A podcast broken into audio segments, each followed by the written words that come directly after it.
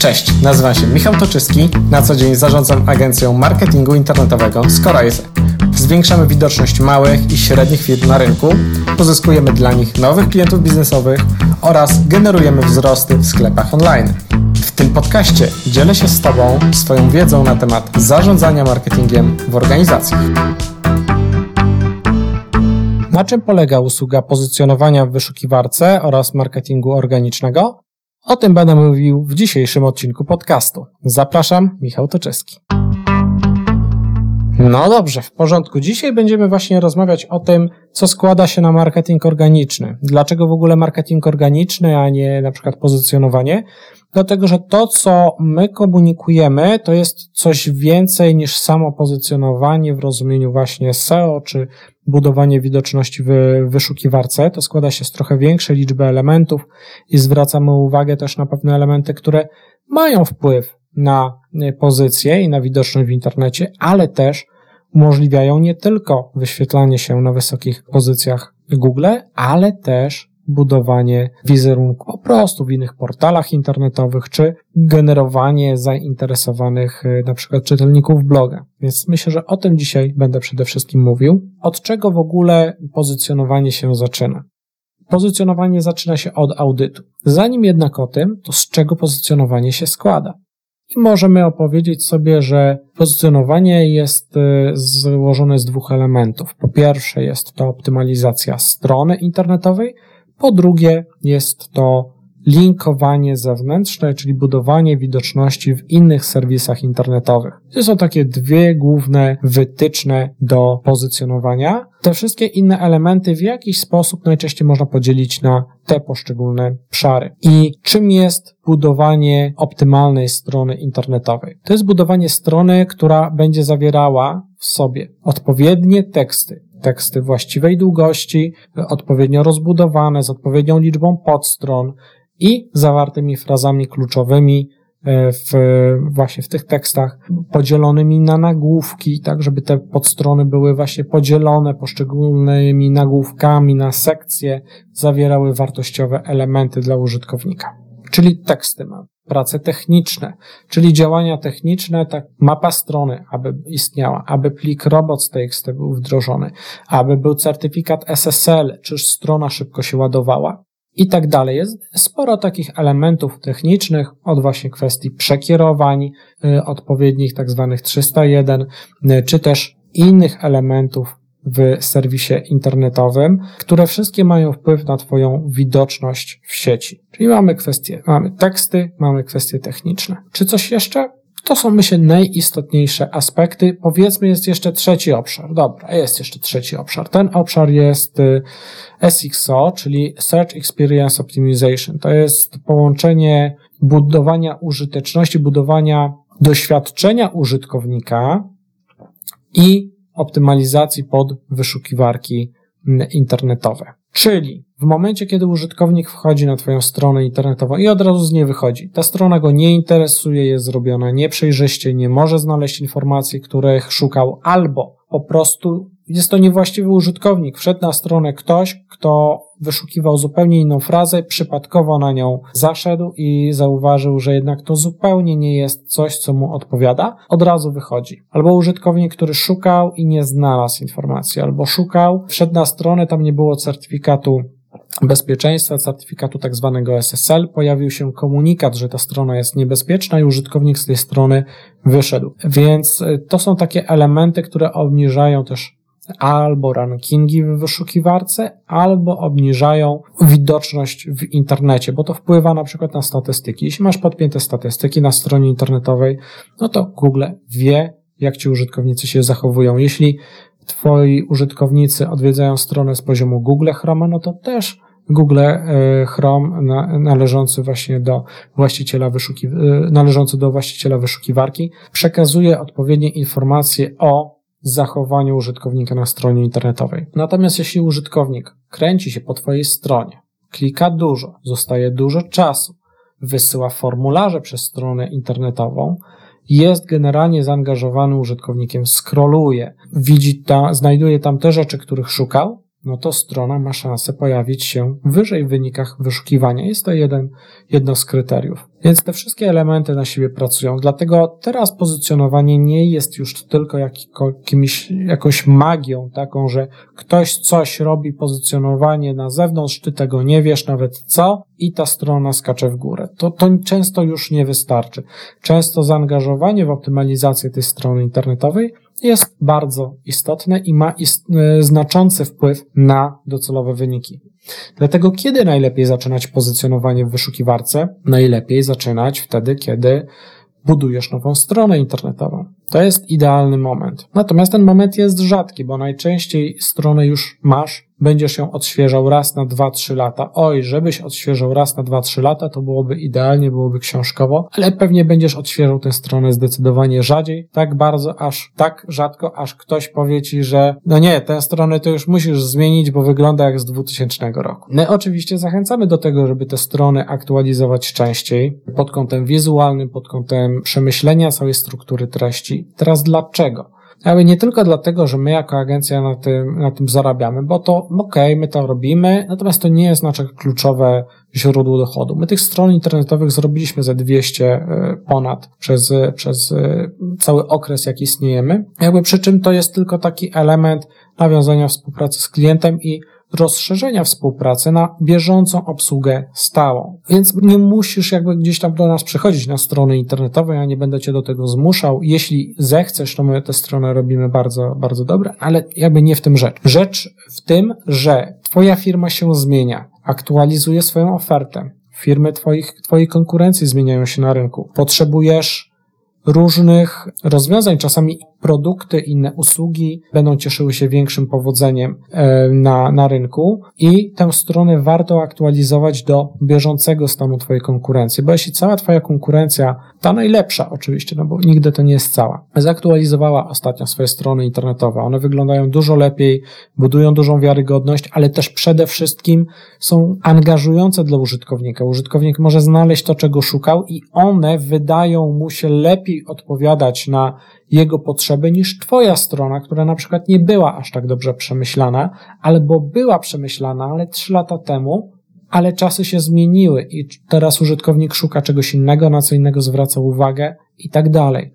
Więc ciągłe takie aktualizowanie ma istotny wpływ na mm, docelowego użytkownika, na jego zachowanie, a przez to też na widoczność w internecie. I mamy też działania zewnętrzne, o których powiedziałem, czyli linkowanie, pozyskiwanie widoczności w internecie, w innych serwisach internetowych.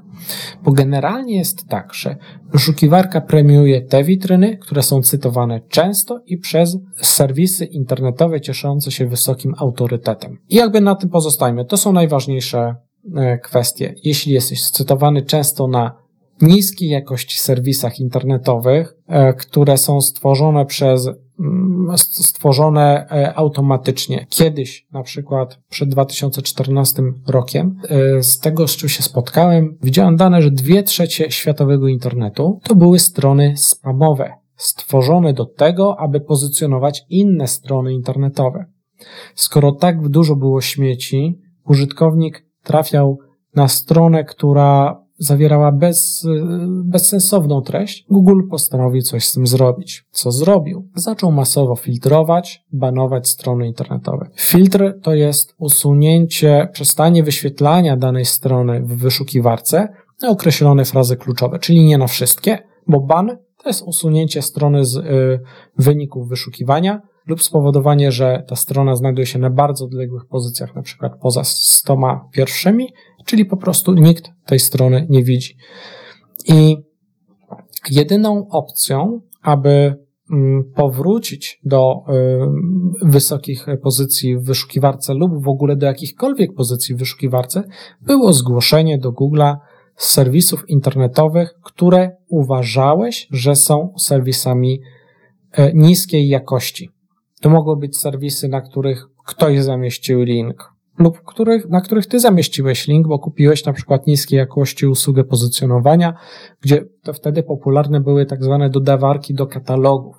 To znaczy, że była ta maszynka, która automatycznie dodawała twoją witrynę do na przykład 20 katalogów. miesięcznie, dziennie lub w jakiejkolwiek innej częstotliwości. Nie wymagało to żadnej pracy ludzkiej, bo tekst był przejechany słownikiem synonimów, słowa były zastępowane innymi. W związku z tym użytkownik, który otwierał dany tekst, no nie był w stanie go zdzierżyć. Był to tekst raczej niskiej jakości i niekoniecznie wnoszący wartość w życie odbiorcy, natomiast był.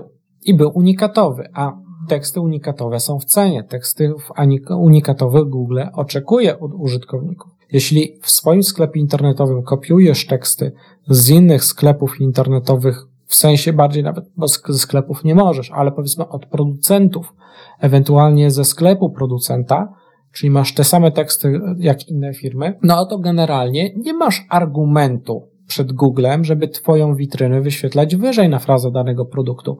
No bo czemu Twoja strona miałaby się wyświetlać wyżej niż strona producenta, czyli strona, która jako pierwsza zamieściła dany tekst na swojej witrynie. Albo jako pierwsza, albo taka, która jest bardziej wiarygodna po prostu. Um, ok, i e, teraz tak. Mówiliśmy o unikatowości treści, że jest istotna, e, żeby tre treści były wartościowe dla użytkowników. Też strony, z których podchodzą linki, były wartościowe dla użytkowników, bo kiedyś były spamy.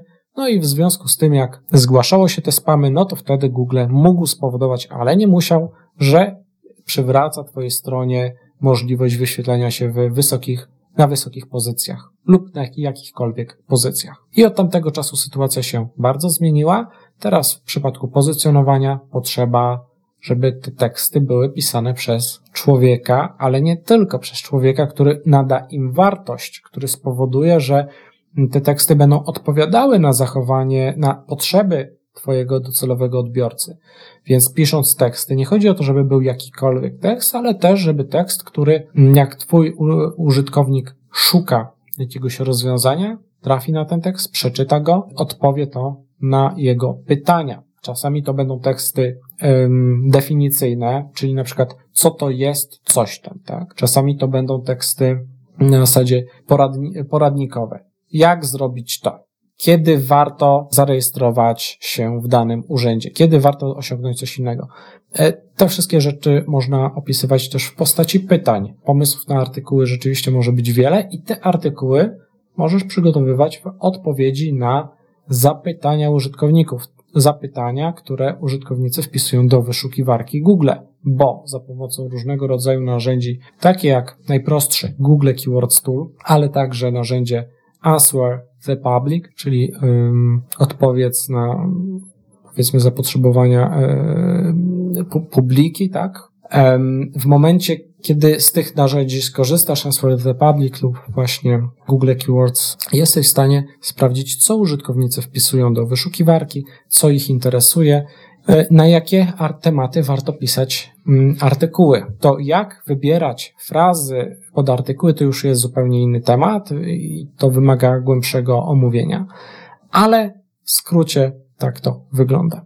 Czyli wracając, powiedzieliśmy sobie o tym, że mamy działania na stronie, czyli pisanie dużej ilości treści, prowadzenie bloga firmowego, zadbanie o techniczną stronę Twojej witryny, o jej wizualny aspekt i mamy też działania zewnętrzne, takie jak pozyskiwanie odnośników z artykułów, czyli żeby Twoja strona była cytowana w wielu miejscach w internecie. I teraz jak to robimy? No, nie robimy tego wszystko naraz, tak? Czyli jak to się mówi o project managerach, jest taka anegdota, że project manager to jest osoba, która uważa, że dziewięć kobiet jest w stanie urodzić jedno dziecko w ciągu jednego miesiąca. W pozycjonowaniu właśnie tak nie jest, w związku z tym, że e, pozycjonowanie wymaga tego czasu. Jeśli do tej pory nie pozyskiwałeś żadnych odnośników, twoja strona nie była budowana, nie, nie była widziana w internecie, na wielu innych serwisach internetowych, a teraz stworzysz 100 artykułów, je rozdysponujesz pomiędzy różnymi stronami i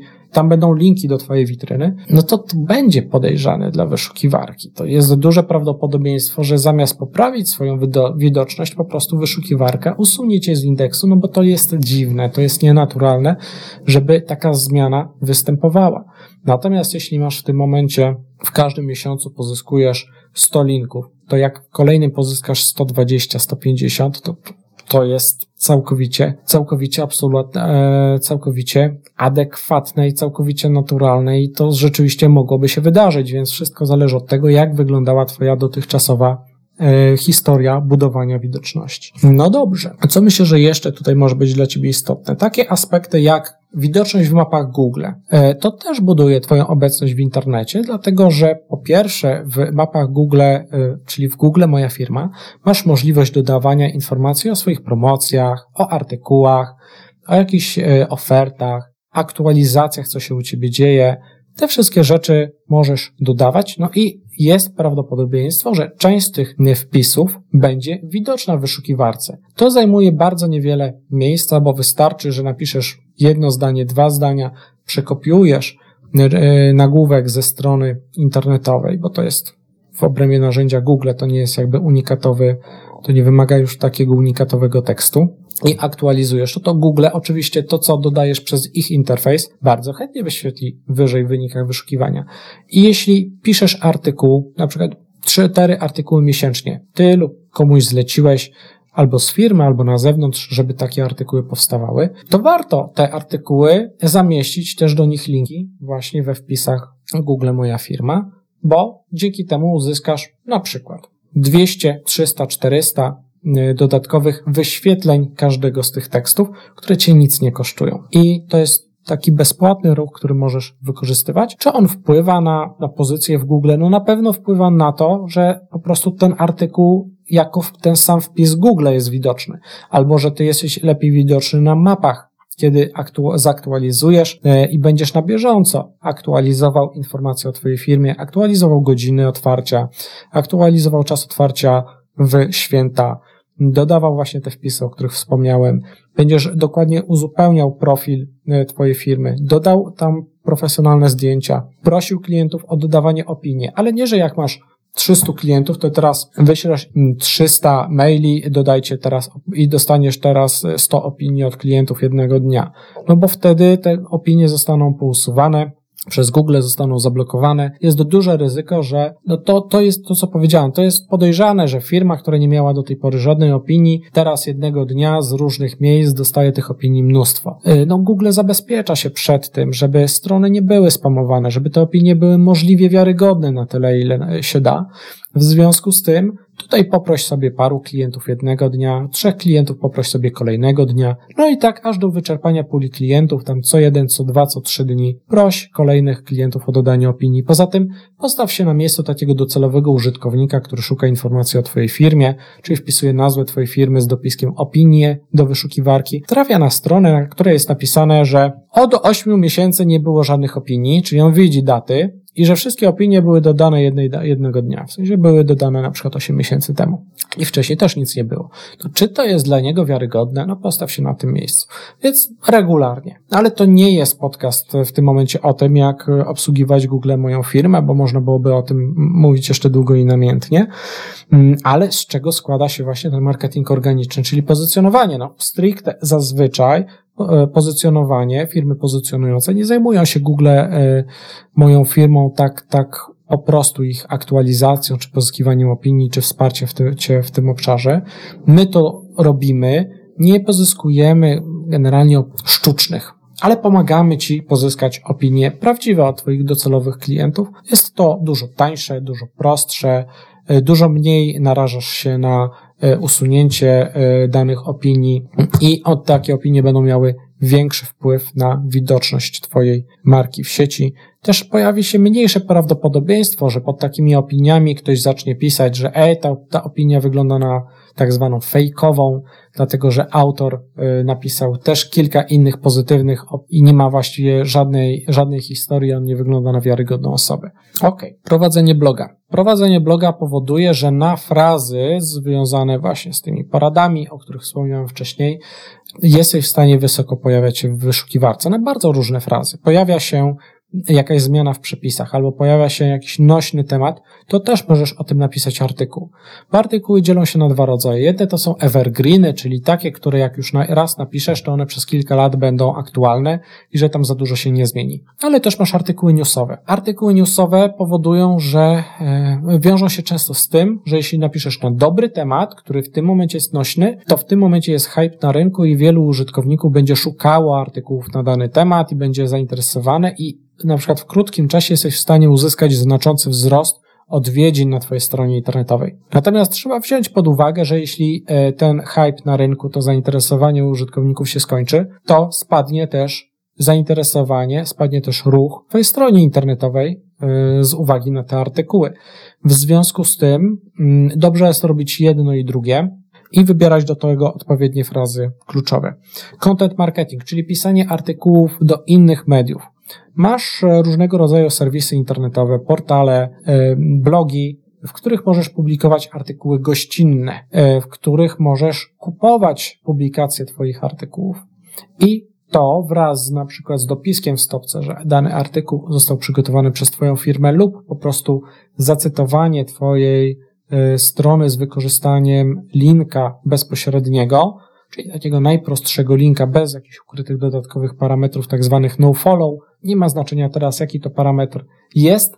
Ma znaczenie to, że to jest link, który przenosi wartość pozycjonerską dla twojej, e, dla twojej witryny. I publikując regularnie tego typu e, artykuły w zewnętrznych portalach internetowych, jesteś w stanie pozyskiwać linki do twojej witryny. Istnieje też możliwość publikowania linków w istniejących artykułach, na przykład twojej konkurencji, czyli w ten sposób bez pisania własnych artykułów jesteś w stanie pozyskać odnośniki z tych samych miejsc, w których ma twoja konkurencja, no bo żeby na wysoko się wyświetlać w wyszukiwarce, najpierw trzeba dobić tak, do poziomu twojej konkurencji, a potem ją przewyższyć. Dopóki, dopóki nie osiągniesz tego samego poziomu, no nie przewyższysz swojej konkurencji.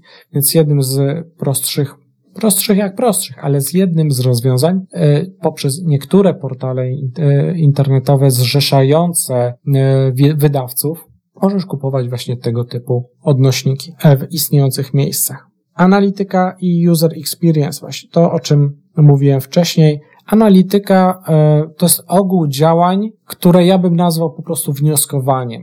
Masz pewne przesłanki, masz pewną wiedzę, pewne doświadczenie, i za pomocą statystyki, za pomocą analizy, za pomocą wyciągania wniosków, wiedzy o tym, co dzieje się w branży, ale też e, porównywania Twojej strony ze stronami konkurencyjnymi pod kątem różnych bardzo wielu parametrów, pozycjoner jest w stanie zobaczyć, gdzie jest ta różnica i zobaczyć element wspólny, że jeśli chcemy wypozycjonować Cię na daną frazę, to konkurencja Twoja ma dużo linków w takich, a nie innych serwisach internetowych y, wysokiej jakości. Aby osiągnąć podobne wyniki, potrzebujesz zrealizować podobne działania, jak zrobili. No, mogą być te same serwisy internetowe lub równoważne, i na tej podstawie tworzy się strategię link buildingu, czyli strategię pozyskiwania odnośników i budowania widoczności y, w sieci serwisów internetowych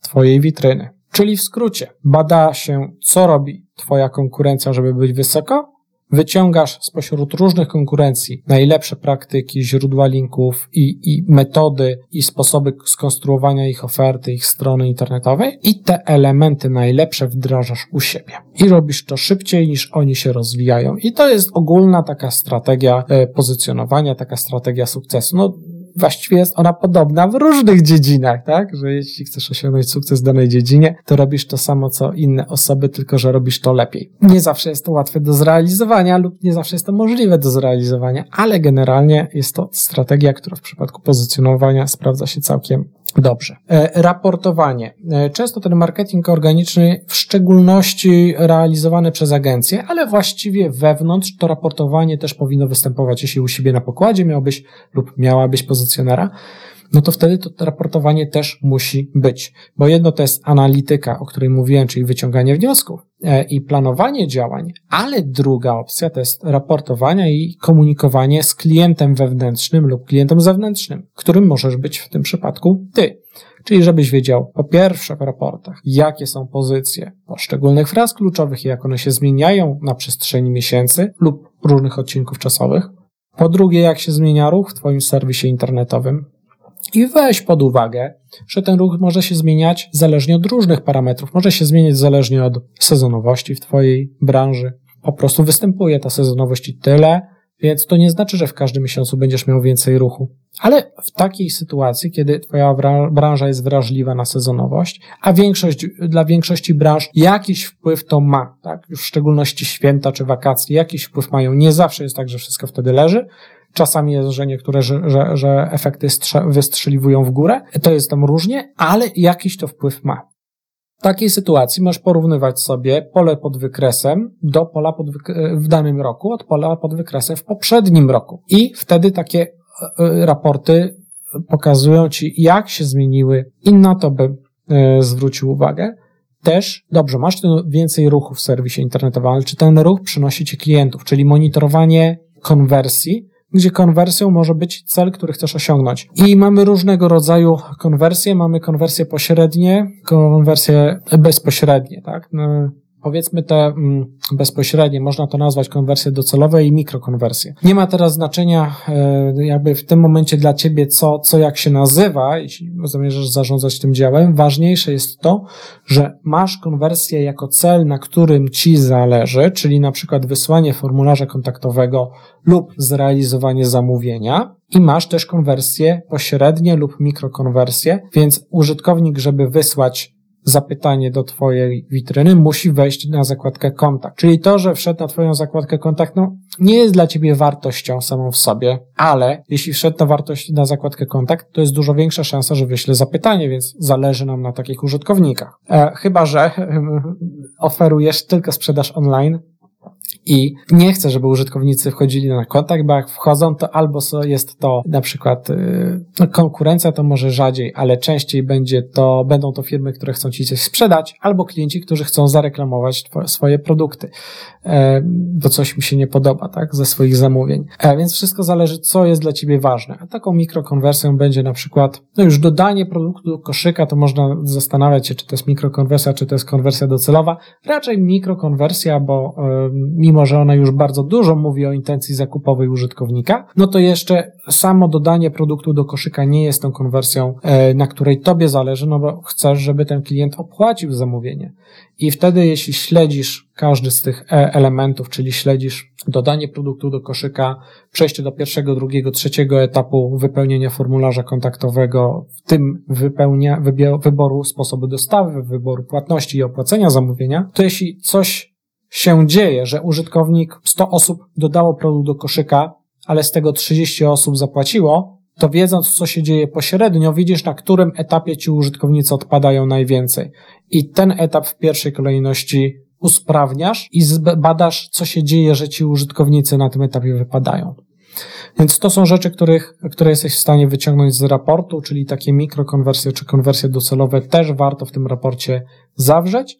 No i ustalać sobie cele i do tych celów dążyć i do tych celów się odnosić, czyli założyliśmy sobie, że będzie ten ruch w sklepie internetowym 10 tysięcy, a jest mniej niż sobie założyliśmy. No i teraz pytanie, czy to jest jakby znacząca różnica, czy może założyliśmy sobie za dużo, z czego to wynika? Nie zawsze to znaczy, że ta osoba zrobiła coś źle. Osoba, agencja, ktokolwiek. Mogą być różne parametry. Zmieniły się kwestie oceny Twojej witryny w wyszukiwarce. Są inne algorytmy. Mogą być różne powody, ale jeśli tego celu się nie osiąga, no to szukamy przyczyny, dla, dla której tak jest i staramy się odpowiedzieć na tą przyczynę, żeby w kolejnym miesiącu po pierwsze zrewidować, na ile nasz cel był realny. Jeśli był realny i tylko inaczej do niego trzeba podejść, to ustawiamy taki cel, jaki, jaki chcemy. Natomiast jeśli okazało się, że jednak te cele nie są realne i mimo działania tego, które robimy, sklep rośnie, firma rośnie w widoczności internetowej, ale ten ruch nie rośnie tak szybko, jakbyśmy chcieli, no to albo możemy ten fakt rzeczy zaakceptować i wzrost, w ogóle wzrost i tak jest dobry. I tak jest dobry. Natomiast jeśli nie osiągasz takiego wzrostu, jakiego byś chciał, to zawsze możesz albo e, zmienić oczekiwania, albo przeznaczyć większy budżet, czyli po prostu robić więcej działań, tak, mieć większy wpływ na to, co się dzieje, albo szukać innych sposobów, że na przykład te sposoby nie działały, to może te same zasoby, ten sam budżet, ten sam czas ludzki przeznaczmy na coś innego, może coś innego zadziała nam lepiej. No dobrze, raporty. No i co jeszcze, jeśli masz, e, właściwie to też myślę, że bez względu, czy masz e, agencję zewnętrzną, czy pracujesz ze specjalistą wewnętrznym, taki specjalista w ramach obsługi marketingu organicznego i pozycjonowania świadczy też dla Ciebie usługę konsultingu, czyli w momencie, kiedy rozbudowujesz e, witrynę internetową o nowe podstrony, o nowe funkcje, o nowe elementy lub tworzysz nową witrynę, to też z takim pozycjonerem warto to skonsultować już na etapie tworzenia witryny, żeby potem nie wracać się do tego etapu, bo czasami spotkałem się z sytuacjami, w których e, klient zbudował nową witrynę z inną agencją i ta witryna okazała się one-page'em, czyli e, była po prostu przewijana, nie było podstron i taką witrynę bardzo często jest trudno wypozycjonować lub nawet jest to niemożliwe. No i wtedy taką witrynę trzeba rozbijać na podstrony i rozbudowywać, to jest dodatkowy koszt. A de facto w momencie, kiedy, kiedy taki pozycjoner byłby wzięty już na etapie tworzenia nowej witryny, nie dopuściłby do pewnych błędów. I to nie jest jedyny błąd, tam można mnóstwo rzeczy pełnić. Agencje, które tworzą strony internetowe, specjalizują się w tworzeniu stron internetowych. To jest naprawdę zaskakujące to, co powiedziałem. Wiem, że tego się zupełnie nie spodziewałeś i że to jest takie naprawdę? Natomiast y, tak, w tym się specjalizują. Jeśli nie mają na pokładzie pozycjonera, który pracuje przy tym projekcie, to jest bardzo ważne, że pracuje przy tym projekcie, to one najczęściej nie mają szansy zrobić tej witryny tak dobrze, jak osoba, firma, zespół, który pracuje z pozycjonerem. Nie przez ich złą wolę, czy brak kompetencji, czy cokolwiek takiego. Nawet mogą mieć techniczne rzeczy bardzo ładnie ogarnięte, bo już zrobili takich stron 100, mają podsta- znają podstawowe zasady budowania stron pod wyszukiwarki, ale nie wybiorą dla ciebie fraz kluczowych. Nie wybiorą dla ciebie optymalnej struktury podstron pod frazy, które ciebie interesują e, i też optymalnych mm, modułów pod kątem stopnia rozbudowania witryny. W związku z tym to są takie rzeczy, które wiążą się stricte już na przykład z tekstem, z uzupełnieniem twojej witryny w, właśnie w materiały, w content. I jeśli ta firma za to nie odpowiada, bo po prostu pozycjoner nie pracuje przy Twoim projekcie, to będziesz musiał te rzeczy poprawiać za dodatkowe pieniądze. W sytuacji, gdybyś pracował z pozycjonerem, już w ramach tworzenia tej witryny, w ramach tego samego budżetu, zamknąłbyś się z, mm, ze zrealizowaniem właśnie działań optymalizacyjnych. Dobrze, dzięki Ci serdeczne za wysłuchanie tego podcastu, tego odcinka. Myślę, że E, pojawiło się kilka ciekawych obszarów, albo których nie wiedziałeś, albo odświeżyłem być może Twoją wiedzę w niektórych obszarach. E, zapraszam do słuchania kolejnych odcinków e, podcastów Wzrost wyników marketingu. Pozdrawiam Cię, Michał Toczyski z Corais.